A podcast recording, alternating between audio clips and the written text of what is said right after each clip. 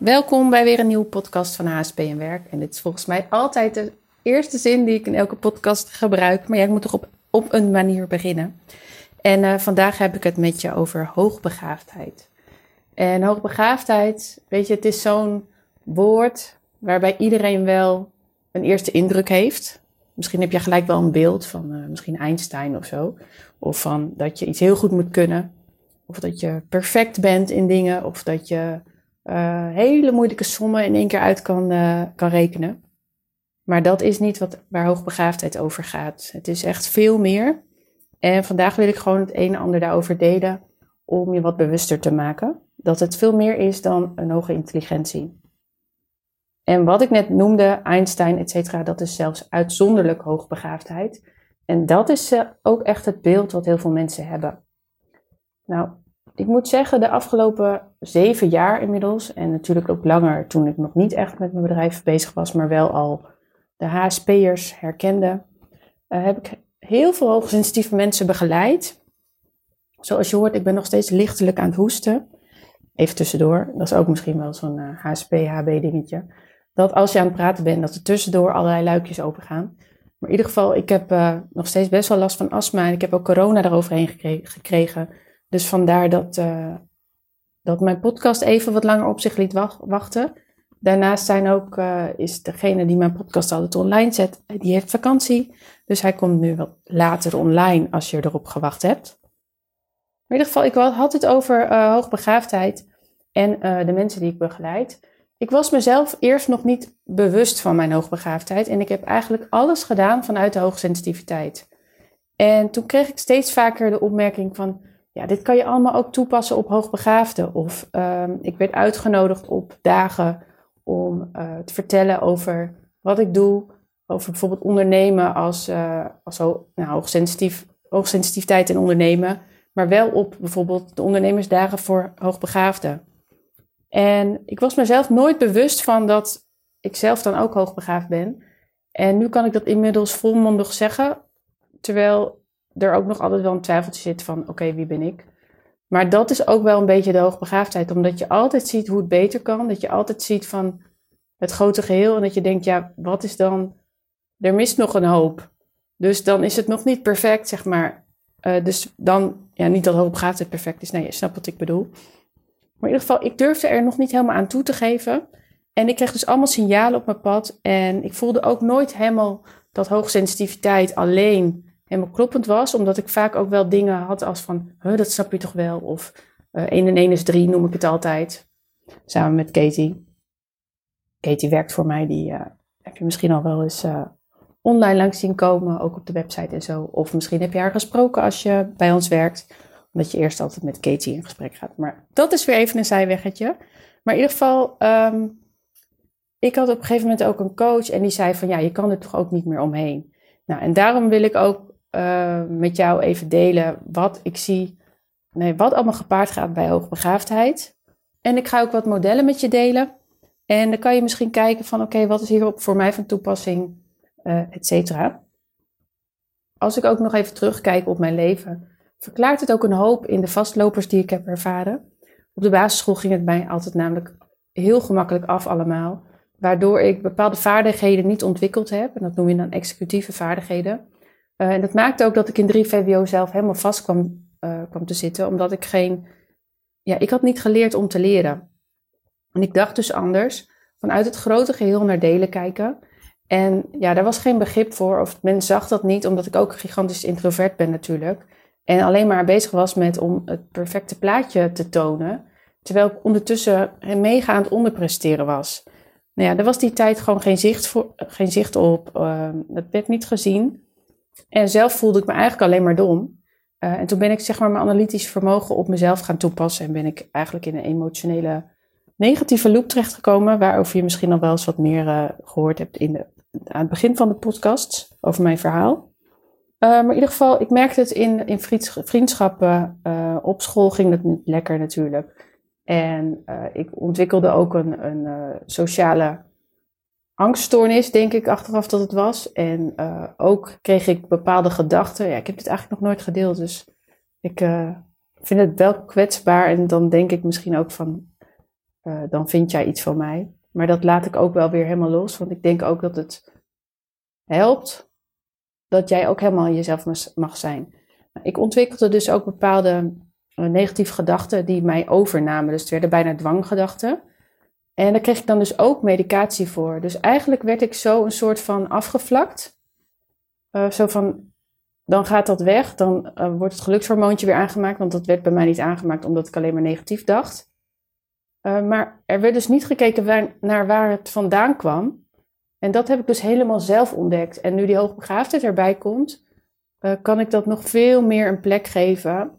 En snap ik ook waarom het toen uh, en vaker in mijn leven, ik heb bijvoorbeeld ook na mijn zwangerschap, ben ik nog helemaal in zo'n negativiteit beland, omdat ik zwaar in de onderprikkeling kwam, omdat alleen maar voor kinderen zorgen niet iets is waar je als HSP-HB door uitgedaagd wordt. Ik ben niet voor niks toen, ik, toen ze 2,5 waren, de mijn tweeling, gestart met een eigen bedrijf, omdat dat hield mij overeind, omdat ik daarin kon creëren, autonomie ervaarde, kon doen waar ik zin in had, uh, met leuke mensen kon werken.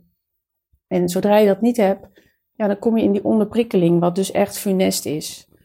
Nou, in ieder geval, je hebt dus ook hoog, hoogbegaafdheid en hoog intelligent zijn. Dat zijn echt twee verschillende dingen, omdat bij de hoge intelligentie, ja, dan heb je eigenlijk alleen het hoge IQ, maar de intense binnenwereld, het hoogsensitieve, dat is er niet. En dat maakt ook dat je veel makkelijker weer dingen kan, ja, over dingen heen kan stappen. Dit is wel heel zwart-wit hoor, dus het is uh, iets genuanceerder hoe het in de praktijk is. Maar in ieder geval hoog intelligent is wat anders dan hoogbegaafd zijn. Nou, dan heb je ook nog uitzonderlijk hoogbegaafd. En dat is eigenlijk een IQ van 145 plus. Ja, en dan ook die intense binnenwereld. Ja, en dat is ook best wel heel complex. Die mensen kom ik ook wel tegen. En uh, ja, dat is best wel, wel heftig. En ik vind ook wel dat je, als je dat hebt, ja, of misschien wel bij iemand in begeleiding moet die dat ook zo heftig heeft. Of heftig, dat is natuurlijk een oordeel maar die ook dat zelf ervaart. Want ik denk dat dat nog een extra laag is. Daarnaast vind ik wel dat je altijd hoogbegaafdheid ook vanuit je hoogsensitiviteit mag zien, mag coachen, mag begeleiden. Omdat als het alleen vanuit het hoofd gaat, dat je gewoon zo'n groot stuk mist. Even vanuit het, uh, de, of tenminste vanuit het IQ berekend. Dat is eigenlijk dus niet alleen de, de voorwaarden voor hoog, hoogbegaafd zijn. Ik ga zo twee modellen met je delen die meer informatie geven over hoogbegaafd zijn. Maar eerst wil ik even met je delen dat uh, als je een IQ hebt tussen de uh, 85 en 115, zit je op de schaal normaal. Nou ja, wat is normaal? Iedereen is anders. Maar zoals het een beetje, uh, ja, wat een normaal verdeling is eigenlijk op basis van, uh, van onderzoeken. Nou, zit je op 115 tot 130, dan ben je intelligent begaafd. En ga je heb je een intelligentie van 130 en meer, dan zit je op hoogbegaafdheid. En nou ja, van 145 plus zeggen ze dan ook wel uitzonderlijk hoogbegaafd. En dit is ook echt heel zwart-wit, want het kan best zijn dat je op een IQ-test helemaal die 130 niet scoort, maar dat je wel hoogbegaafd bent. Het is ook geen voorwaarde om een IQ-test te doen, vind ik. Ik heb hem zelf ook niet gedaan. Het is uh, ook weer iets wat je voor jezelf kan herkennen en erkennen om jezelf beter te begrijpen, om lekkerder in je leven te staan en om er alles uit te halen wat erin zit. En daarom ben ik ook heel blij met de modellen die ontwikkeld zijn. Dan heb ik het over het Delphi-model. Uh, het Delphi-model is ontwikkeld door Kooiman van Tiel. En zij heeft onderzoek gedaan onder hoogbegaafdheid, uh, onder mensen die hoogbegaafdheid zijn zelf en ook uh, onder hun begeleiders. Uh, daar heb ik het met je over. En ik heb het met je over het zijnsluik van Tessa Kieboom. En ik ga eerst even naar het zijnsluik. Ik zit ondertussen wat te klikken, want ik heb er een beeld bij. Het zijnsluik is gebaseerd op het cognitieve luik, het denken en het zijnsluik, het voelen. Dus je hebt het denken en het voelen wat samen jou die hoogbegaafdheid maakt. Nou, het denken gaat over je intellectuele capaciteiten, motivatie en creativiteit. En het voelen gaat over perfectionisme, rechtvaardigheidsgevoel, kritische ingesteldheid en hoogsensitiviteit. En ja, ik vind deze heel persoonlijk soms wat negatief uh, benaderd, omdat er bij perfectionisme wordt toegelicht van oké, zeer hoge lat, faalangst, fouten maken, rechtvaardigheidsgevoel, eindeloze discussie, confrontatie met gezaghebbers. Dus dan zie je zeg maar wat de, de negativiteit wordt een beetje benadrukt. Kritische ingesteldheid, daar hebben ze het over, dus hoge zelfreflectie. Pijnlijke eerlijkheid, verschil maakt tussen vorm en inhoud. Uh, en bij hoogsensitiviteit hebben ze het over intense indrukken, eerder, uh, indrukken en waarneming, eerdere confrontatie met gevaar en angst, grote emotionele intensiteit en scannen van personen. Maar die vind ik dus ook niet helemaal meer kloppend vanuit wat er nu bekend is vanuit het hoogsensitieve brein. Dus als je het mij vraagt, is het voelen stuk het hoogsensitiviteitsstuk, waardoor je dus ook perfectionisme, rechtvaardigheidsgevoel en kritische ingesteldheid kan hebben, omdat je gecombineerd met jouw uh, denkvermogen alles ziet en hoort en ervaart en voelt, waardoor je daar dus ook een oordeel over hebt en waardoor je ook altijd rekening houdt met de sociale context. En, en dat alles samen maakt dan die hoogbegaafdheid. Nou, ik hoop dat je mij nog kan volgen, omdat je er zelf geen beeld bij hebt. Maar het is dus ook hier wordt wel duidelijk dat denken en voelen samen en daar een complexiteit in, dat dat de hoogbegaafdheid maakt. Nou, dan gaan we naar het Delphi-model. En daar word ik iets blijer van, want daar wordt het op, uh, op meerdere lagen ja, be benadrukt. Ik zal eerst even vertellen wat daar dan wordt omschreven als hoogbegaafd zijn. Een hoogbegaafde is een snelle en slimme denker die complexe zaken aan kan. Autonoom, nieuwsgierig en gedreven van aard. Een sensitief en emotioneel mens, intens levend, hij of zij schept plezier in creëren.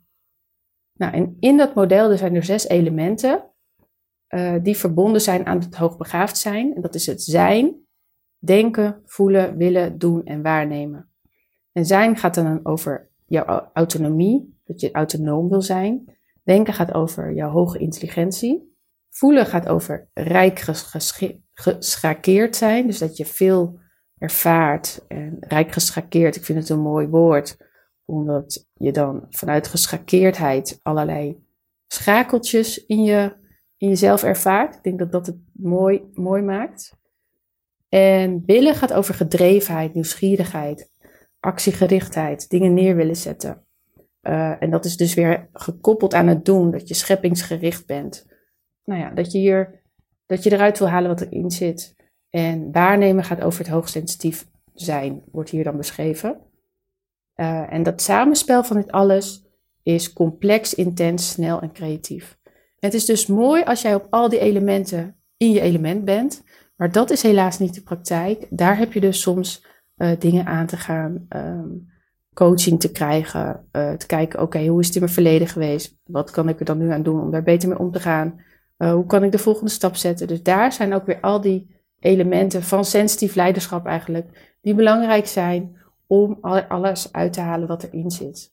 Dus het een is bij de een heel sterk aanwezig, dus misschien ben je bijvoorbeeld heel erg scheppingsgericht, uh, maar ben je bijvoorbeeld niet zo uh, met je voelen bezig.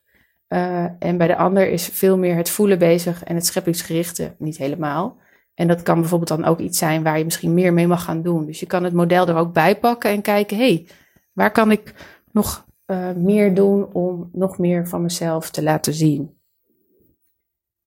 Dus dit is eigenlijk ja, wat hoogbegaafdheid is. Het zijn dus allerlei elementen.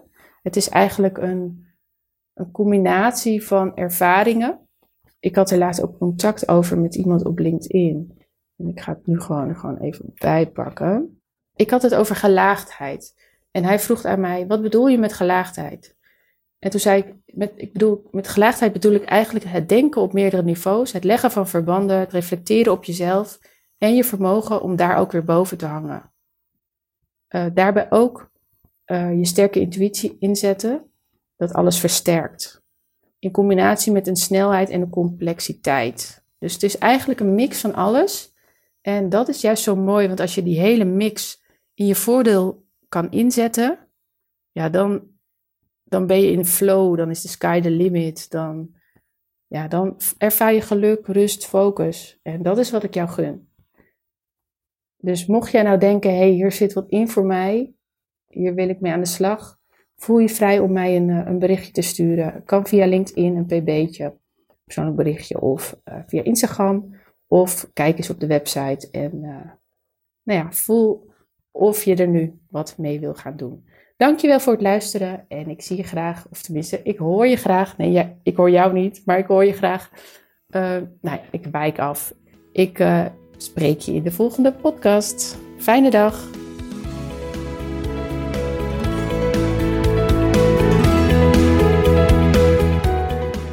Dankjewel voor het luisteren naar de HSP en Werk podcast. Wil je direct praktisch aan de slag met jouw HSP en werk? Download dan een van de werkboeken op www.hspenwerk.nl/werkboek.